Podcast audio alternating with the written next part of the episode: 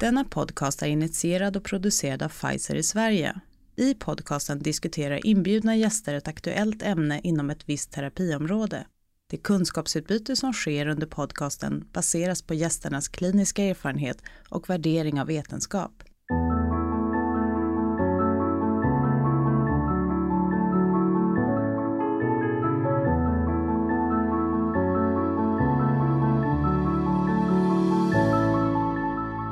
Hi, and very welcome to um, this interview uh, or this uh, chat that I'm going to have with uh, Janet Pope regarding ACR highlights. Uh, my name is Petra Nergård, uh, and I'm medical advisor in Sweden.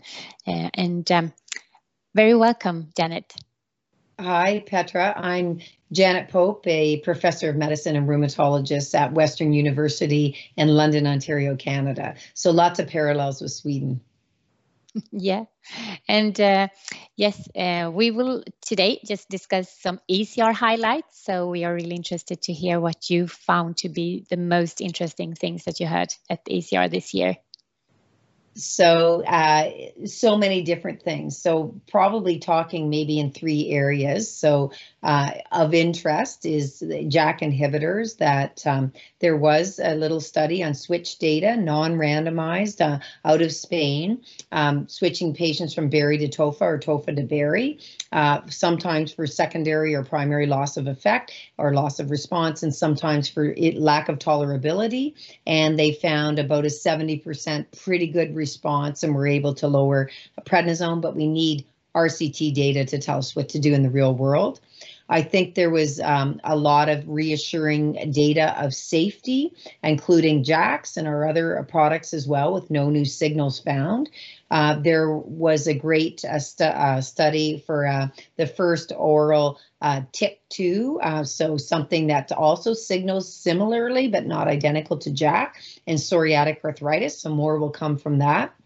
I also think in osteoarthritis that I can say to my patients now, it appears that injecting intraarticular steroids is um, safe compared in a large cohort of um, knee osteoarthritis, two cohorts actually combined, that it did not accelerate cartilage loss or time to getting a knee replacement, whether patients got intraarticular steroids once or multiple times, or hyaluronic acid once or multiple times. They all had about the same rate when you adjusted for risk factors of getting joint replacements, number one, so it looks safe. And number two, intraarticular steroids, um, again, looking in osteoarthritis, were better than um, just giving lidocaine. So I think that's helpful to tell our patients. And um, during COVID times, I do bring people in to inject them.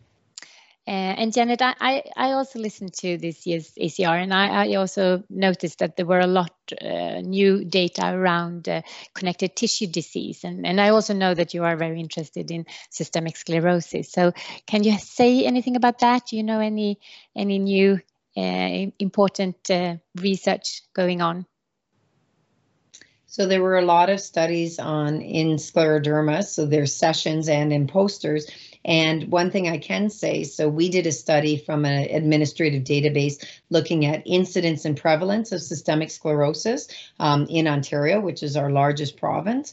And um, we found that the mortality was um, high, which we already knew, but if a patient was seeing a respirologist and a rheumatologist and had pulmonary function testing, so our algorithm assuming that they had interstitial lung disease, um, their survival was cut in half. So we still have a long way to go with the treatment of interstitial lung disease. Um, there is in some countries a drug approved to help slow down interstitial lung disease as well as the drugs that we use for immune suppression.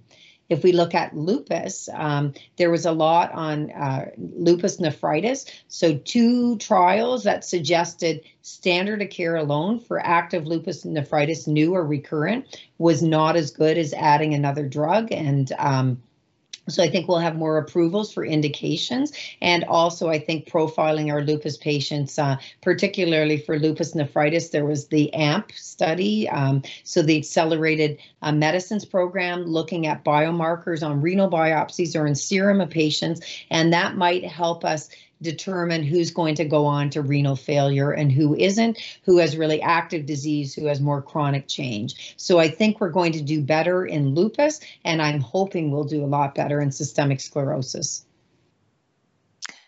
Thank you. Thank you very much, Janet.